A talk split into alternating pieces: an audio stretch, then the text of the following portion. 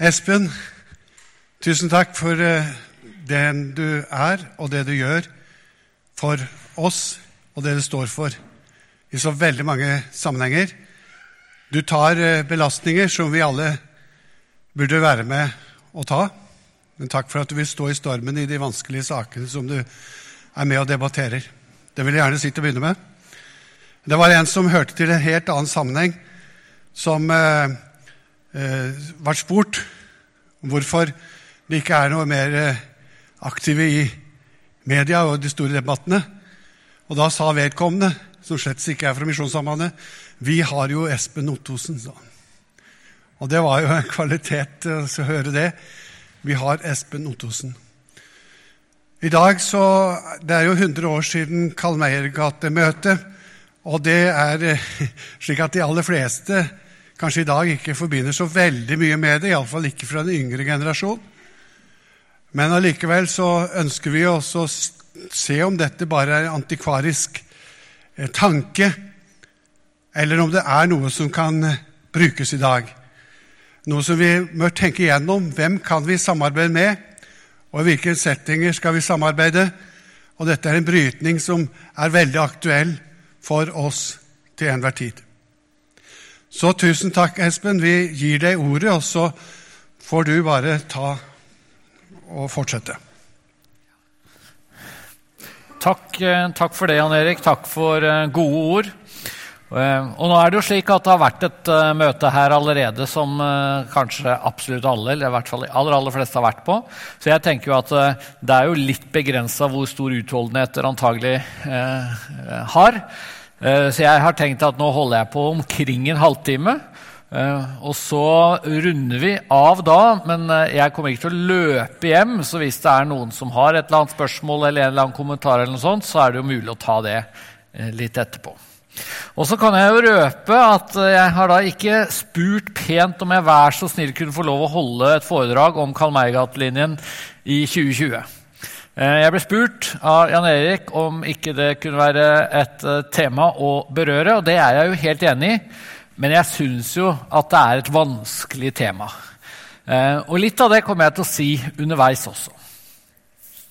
Det er altså 100 år og noen uker siden 950 representanter fra lutherske organisasjoner og lutherske sammenhenger møttes noen hundre meter herfra. Eh, og det de skulle diskutere, var dette. Hvordan forholder vi oss til prester, proster, biskoper og kirkeledere som bryter med Bibelens autoritet? Det var overskriften. Og Da er det viktig å være klar over noen ting. Det ene er at Dette var altså en luthersk eh, diskusjon.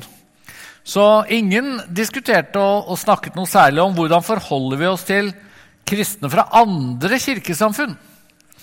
Det handla Kalmeiergatemøtet egentlig ikke om. Og Det betyr også at rammen for hele diskusjonen var statskirkens struktur, kan vi kanskje si. Og det var derfor konklusjonen ble vi skal si nei til frivillig samarbeid med de som bryter med Bibelens autoritet. Og stikkordet her er altså 'frivillig'. Grunnen til at det ble et så viktig begrep, var at i, innenfor statskirkens struktur så fantes det samarbeid som ikke var så frivillig. Hadde du først sagt ja til å være prest, så måtte du forholde deg til en del ting eh, forhold, som, som handla om hvordan kirkeloven så ut. Var du blitt prest, så kunne du ikke bare eh, avskilte din egen biskop og si nei til alle former for samarbeid. Og Da ble altså stikkordet 'frivillig samarbeid'. Og så er jo det, dette da et tema som har stor betydning for, eh, og hadde stor betydning da, for 100 år siden, for NLM. Johannes Brandtzæg, NLMs første generalsekretær, han hadde altså vært generalsekretær i 29 år da Karl Meiergate-møtet ble avholdt. Og han var blant de fire som inviterte til dette møtet. Så NLM, som den gang het Kina og Misjonsforbundet, sto sentralt i diskusjonene og stilte seg bak konklusjonen. Nå har ikke jeg tenkt å si så veldig mye mer om møtet for 100 år siden. Eh, jeg tenker Det viktigste, og det som jeg også er blitt bedt om å si noe om, det er hvordan tenker vi i dag om samarbeid, om fellesskap på kryss og tvers i Kirke-Norge. Og Da hadde jeg lyst å snakke aller først litt om språkbruk. For det tror jeg er litt lett å kanskje bare hoppe over. Denne parolen 'Nei til frivillig samarbeid' inneholder altså ordet 'frivillig', som jeg allerede har sagt litt om, men også dette ordet 'samarbeid'. Og det er jo et utrolig positivt ord. Og det gjør at jeg får i hvert fall en liten sånn klump i magen eh, hvis jeg blir bedt om å fronte en slags parole som altså har overskriften 'Nei til samarbeid'. Hvor ellers i samfunnet er det sånn at det er en vinnersak å si nei til samarbeid? Og det samme gjelder jo dette uttrykket boikott, som ikke så sjelden dukker opp. Det er jo alltid, blir alltid oppfatta som et veldig negativt ord. Og det blir ganske ofte klistra, f.eks. på NLM, hvis vi sier nei til at en prest eller en biskop eller noe sånt skal delta i vår sammenheng eller på vårt bedehus eller et eller annet sånt. Boikott. Ja til boikott. Heller ikke en veldig god parole. Og så har vi begrepet vranglære. Nei til vranglære. Vi vil ikke slippe til vranglærere. Og det er jo et bibelsk begrep. Så jeg tenker ikke at vi kommer unna begrepet som sådan. Men det er også et ganske hardt begrep. Eh, og jeg ønsker i hvert fall å være ganske varsom før jeg kommer trekkende med et sånt stempel overfor andre mennesker. Så hva er det vi da snakker om? Hva er det vi snakker om hvis vi prøver å gå bak ordene? Samarbeid, boikott, slike ord. Jo, jeg tenker at en god måte å si det på er dette. Hvilke personer og hvilke andre menigheter og, og kristne fellesskap har vi åndelig tillit til? Det er det det egentlig handler om i stor grad, tenker jeg. Hvilke forkynnere, hvilke kristenledere, hvilke prester, hvilke pastorer vil vi stå sammen med? Fordi vi har en grunnleggende åndelig tillit. Fordi vi dypest sett tror det samme om det sentrale i kristendom. Og Det trenger jo ikke bety at man da er enig om alt. Men det betyr at vi er enige om at uenighetene ikke er grunnleggende, ikke er avgjørende. Og så tenker jeg det er ganske opplagt at den vi ikke har åndelig tillit til, den ønsker vi ikke å gi en talerstol. Den vi ikke har åndelig tillit til, vil vi ikke gi det klappet på skuldra det er å få beskjed om at du skal få lov å forkynne, lære, i våre sammenhenger. Og det handler jo altså da ikke om å være vrang eller tenke at samarbeid er eh, en uting eller noe sånt. Men det handler om å beskytte flokken. Og det er et utrolig sentralt bilde i Bibelen at det å være leder for en menighet Litt sånn uavhengig av hvilke begrep man bruker, og akkurat hvordan man organiserer det. Men det å være leder for en menighet, det er å være leder for en flokk. Og den flokken, den trenger beskyttelse. Den trenger sunn åndelig føde. Og den må man sørge for at da ikke utsettes for det motsatte. For forkynnelse, for veiledning som ikke er sunn. Og Dette er altså et tema som Bibelen taler mye om. Jeg har allerede nevnt i talen tidligere i dag eh, at Jesus advarer mot falske profeter. Og det fins også andre tekster. Jeg tenkte jeg skulle trekke fram to som i hvert fall er viktige. Titus, kapittel 3 og vers 10, sier Paulus. Et menneske som farer med vranglære, skal du vise fra deg etter at du har formant ham en gang og en gang til.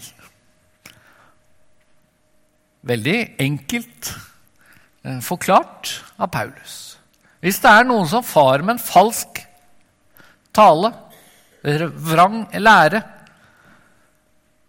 så sier altså Paulus, og det er viktig å merke seg, han sier til Titus, som var altså menighetsleder, en ung mann som har blitt satt til å lede en menighet, så sier Paulus hvis du treffer på en mann som far med vranglære, ja, så skal du advare han en gang.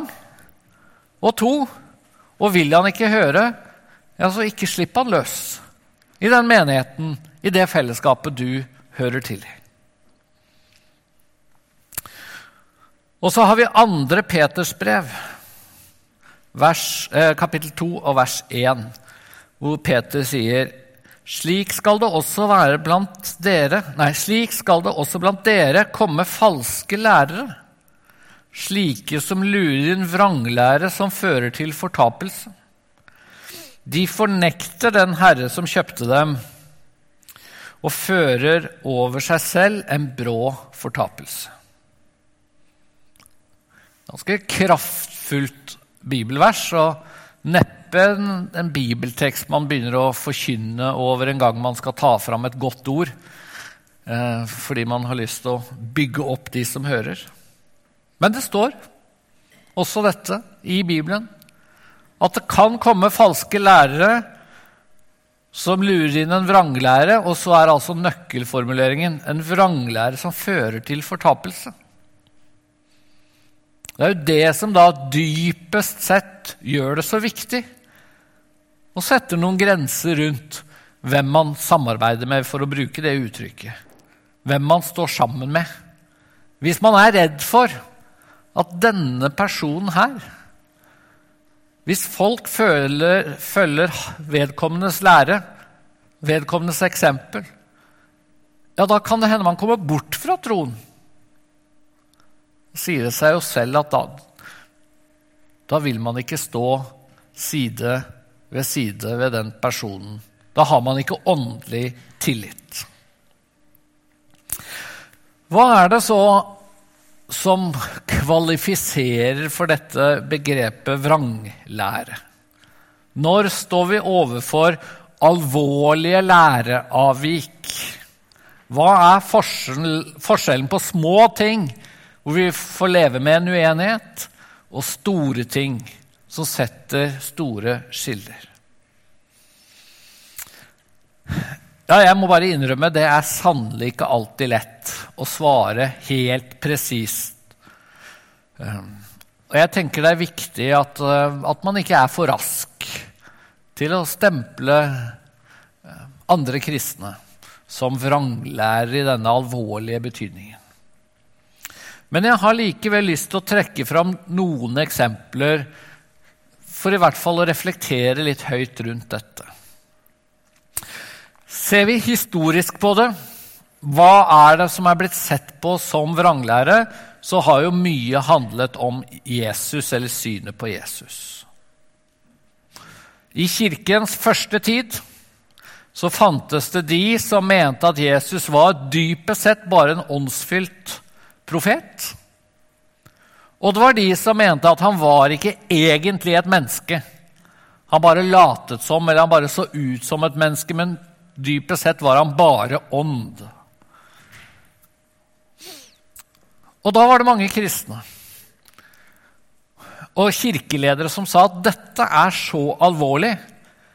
Fordi hvis man forkynner galt hvem Jesus dypest sett er, da kan det jo hende at mennesker ikke begynner å tro på frelseren Jesus.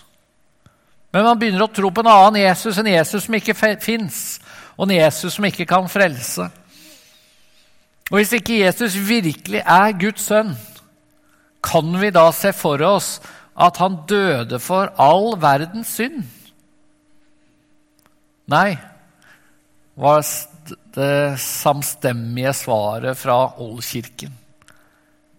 Skal man bli frelst, så må man tro at Jesus virkelig var Guds sønn, at han var Gud, at han var menneske. Og så ble det satt noen klare grenser, og de grensene markerer vi på en gudstjeneste hver eneste søndag når vi fremfører trosbekjennelsen.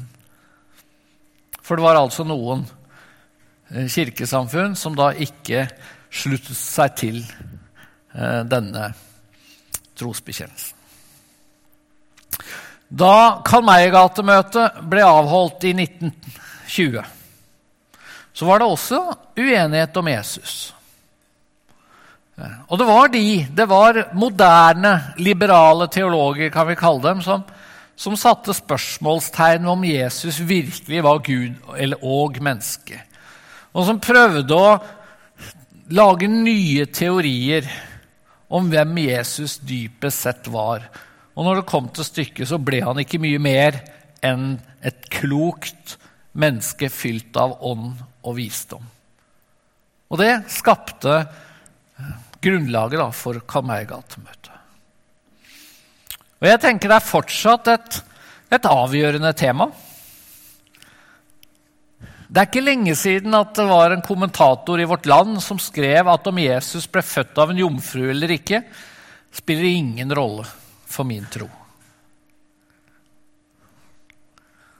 Og Det syns jeg er ganske friskt å si når vi altså bekjenner i trosbekjennelsen født av jomfru Maria. Så sentralt er den altså er jomfrufødselen er denne ideen om at, at det er fordi Jesus er, ble til ved at Gud greip inn og gjorde Maria gravid uten noen mann. Det er det som forklarer at Jesus virkelig kan være Guds sønn. Derfor har det havnet i bekjennelsen. Og jeg tenker at også i møte med en del ytterliggående karismatikk i dag, så er det i hvert fall en fare for at Jesus slutter å være frelseren. Guds sønn som vant over synd og død, og isteden så blir han bare den som gir kraft, den som gir seier, den som bidrar med undre og mirakler. Og da står vi overfor avvik som handler om hvem er egentlig Jesus? Men jeg sier altså ikke karismatikk, jeg sier ytterliggående karismatikk. Og, og kanskje så ytterliggående at vi heldigvis ikke har mye av det i Norge i dag. Men et mer aktuelt spørsmål i vår tid er jo dette med Er Jesus eneste vei til Gud? Er han eneste frelser? Der er det jo ganske mange i vår tid, og også i Den norske kirke, som forkynner enten at det er mange veier til Gud, eller at det i hvert fall ikke fins noen mulighet for å snu ryggen til Gud og gå fortapt. Og Jeg klarer ikke å tenke noe annerledes enn at da står vi overfor falsk forkynnelse og falske profeter. Og Jeg tenker på Jeremia, hvor eh, Jeremia sier i kapittel 8 og vers 10 både profeter og prester farer med løgn, og de leger mitt folks skade på lettferdig vis i det de sier, fred, fred. Og det er ingen fred. Altså På Jeremias tid så var det altså profeter som forkynte at 'slapp helt av'. Det blir fred. Ikke vær redd for noen ting. Og litt av det samme er det ikke det vi står overfor hvis en prest, en pastor, en biskop forkynner at alle mennesker blir frelst, uansett hva de sier, tenker, gjør.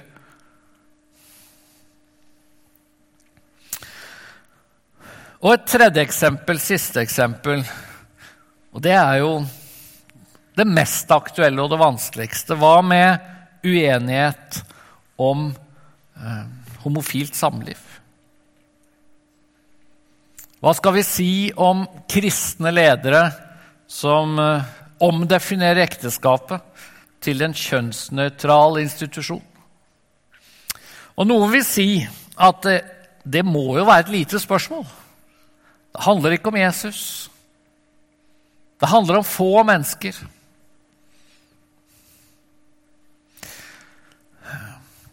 Og det er jo sant på mange måter.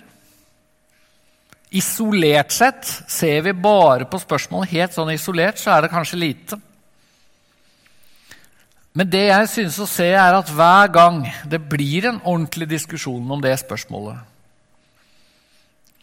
så ser vi at det handler om synet vårt på Bibelen.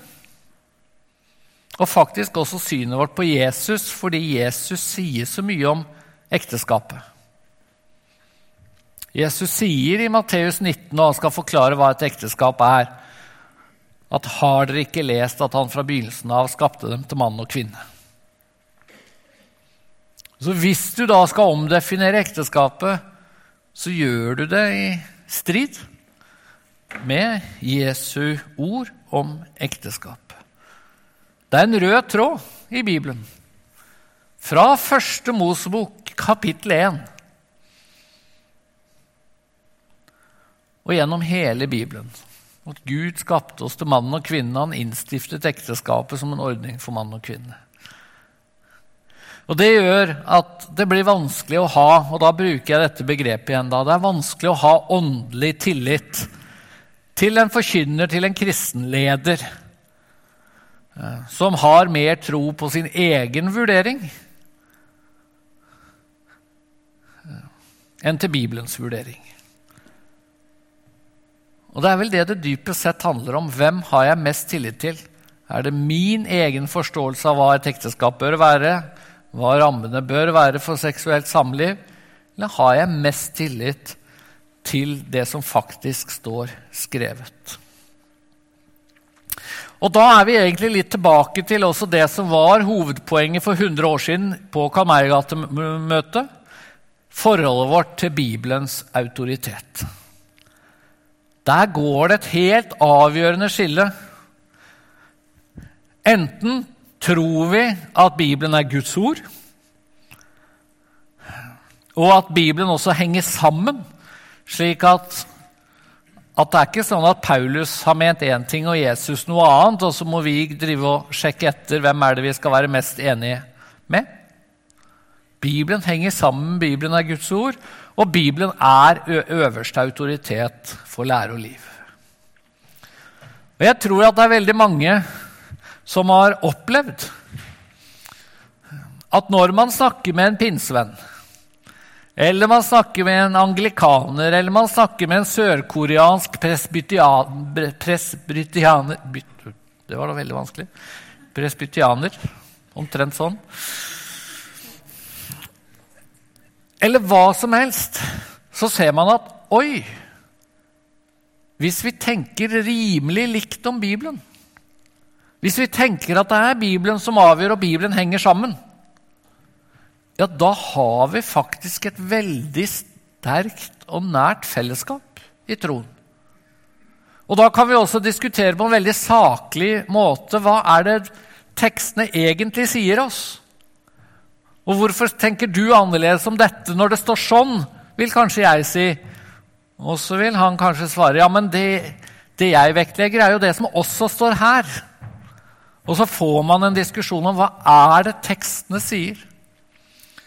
Og det blir en helt annen samtale enn, en samtale som jeg iblant har vært i gang med og hatt med, med typisk liberale teologer som sier at ja, men det betyr ikke så veldig mye hva Paulus antagelig mente, for Paulus var en mann av sin tid.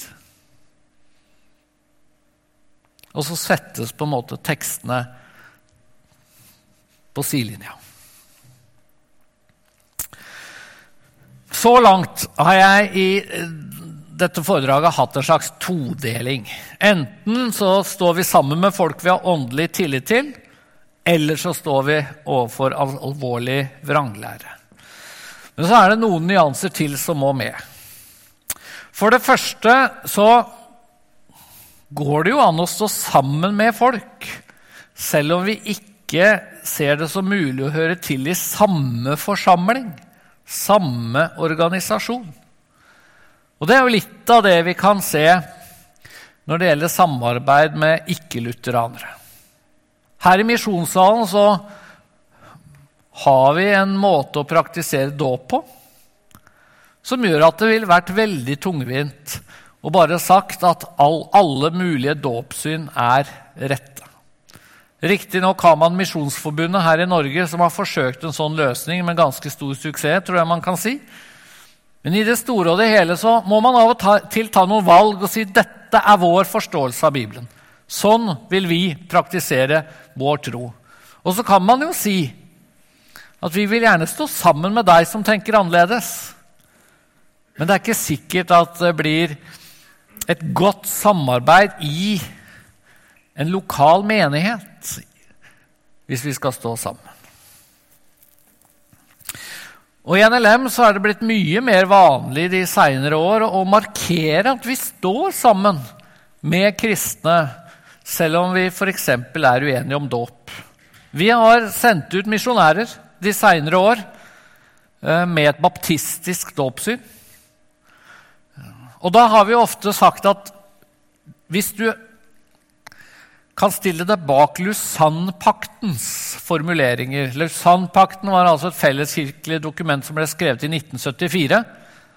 Hvis du kan stå på Lausanne-paktens grunn, da er vi enige om så mye at vi har åndelig tillit til deg, selv om vi da kanskje er uenige om f.eks. Eh, detaljer knytta til dåp. Og så er det klart at uh, vi vil jo ikke sende da mennesker med et baptistisk dåpssyn inn i en lærerstilling på en bibelskole. Det vil nok være vanskelig. Da blir samarbeidet litt for vanskelig i praksis. Men vi kan bruke de, den type uh, mennesker som misjonærer inn i bistandsprosjekter og inn i andre typer arbeid hvor vi først og fremst er på jakt etter mennesker som vil dele sin tro.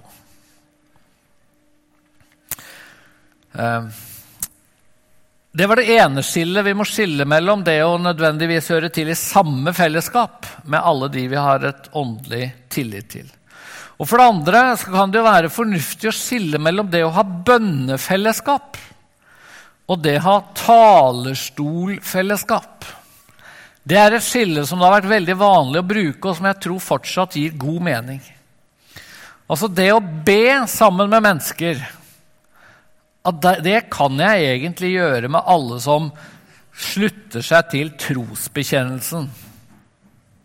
Mennesker som bekjenner en kristen tro, kan jeg be sammen med. Bønnefellesskap. Men det betyr jo ikke at ethvert menneske jeg kan be sammen med, tenker jeg har en så sunn og god teologi at jeg vil at vedkommende skal stå på min talerstol. Den talerstolen jeg har ansvaret for, den talerstolen hvor jeg vil sørge for at de som hører, de får god bibelsk forkynnelse.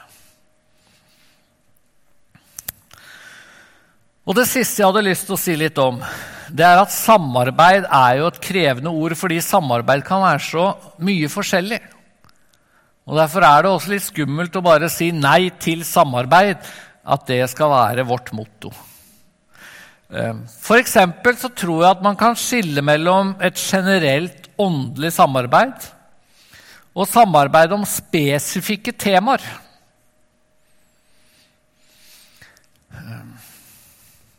Jeg tror ikke det er naturlig her i misjonssalen at man hadde invitert en katolikk for å forkynne. Jeg tror det er for stor avstand mellom hvordan en katolikk eh, eller Den katolske kirke hva de står for generelt, og det man står for i våre evangelikale, evangeliske sammenhenger. Men jeg står gjerne sammen med katolikker i en helt spesifikk kamp, f.eks. For, for, å, for ekteskapsforståelsen. Eh, og Sjøl har jeg vært i mye møter med katolikker om det. Jeg har til og med gjort noe annet som er helt på kanten. Uh, og det er at uh, jeg og generalsekretæren vår inviterte en mormoner til podkasten vår, Ottosen og generalen. Og han kom dit for å snakke om uh, synet på ekteskapet, synet på homofili. Han er selv da homofil, og så lever han i et ekteskap med en kvinne. Har en veldig interessant historie. Men han er altså mormoner, eller tilhører Jesu Kristi kirke av siste dagers hellige, som det heter. Og Jeg er ikke helt sikker på om det var klokt og rett å invitere han, men det vi i hvert fall tenkte, var at historien hans er interessant, og vi skal bare snakke om eh, ekteskapsspørsmålet. Og der kan vi faktisk stå sammen. Og så var han oppvokst på bedehuset på Tau. Det er mulig at det også bør vektlegges. Men det er noe sånn. Men det er altså et forskjell på samarbeid som handler om helt spesifikke ting, og det å bare si at du skal få lov å tale til oss, eh, en, ha en bibeltimeserie.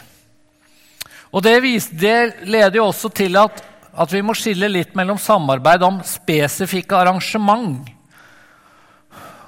og ja, det jeg vil kalle generelt åndelig samarbeid. Det å slippe til hvem som helst i misjonssalen for å holde bibeltimer, eller en bibeltimeserie, det er helt klart at man må ha en helt annen type åndelig fellesskap med de eh, enn hvis man da har en debatt, har et debattmøte. På UL så har vi til og med hatt ateister med på eh, debattmøter fordi man er enige om at dette er ikke forkynnelse. Men vi legger til rette for en debatt. Og så sier jeg ikke at, eh, at, det alltid er klokt, eller at man bør ha mye mer debattmøter for å slippe til å si hva som helst. Eh, det er forholdsvis sjelden det er debattmøte her i Misjonssalen, og det tror jeg kan være greit. Men vi må skille mellom den type arrangement. Og så, jo, og så, må vi også skille mellom hva som er et åndelig samarbeid, og hva som er praktisk. NLM er med i KNIF, Kristen-Norges innkjøpsforening. Det er noe av det bredeste fellesskapet som fins av alt som kan kalles kristent i dette landet. Og det er fordi at vi syns det er helt greit å samarbeide også med de vi ikke har åndelig tillit til, om innkjøp av kopimaskiner og den slags. Eller hva de nå driver med i KNIF. Det har jeg ikke helt oversikt over. Og det kan til og med Når det gjelder Den norske kirke, så kan det også være et visst forskjell på det å bruke mulighetene i Den norske kirke. Også når vi er skeptiske til ting som foregår der. Og det å invitere folk fra Den norske kirke som vi ikke har tillit til, til vår talerstol. Jeg syns det er helt flott at det er mange i våre sammenhenger som f.eks. gjennom Young Life er aktive i Den norske kirke, bruker mulighetene og har sånn sett et samarbeid med mennesker de ikke har åndelig tillit til. Men det handler ikke om å invitere de inn i våre sammenhenger. Det handler om å bruke en mulighet som ingen ville brukt hvis man ikke benyttet den. Og så får man faktisk delt evangeliet. Det er litt sånn jeg tenker sjøl når jeg eh, deltar i debatter og diskusjoner. Så er det utrolig sjelden at jeg har noe særlig åndelig tillit til den jeg debatterer med. Men jeg ser faktisk på det å være i Dagsnytt 18 av og til som en slags talerstol. Det handler om å bruke en mulighet. Eh, og det er et annet type samarbeid enn det å invitere vedkommende inn til å bruke vår talerstol inn i våre sammenhenger.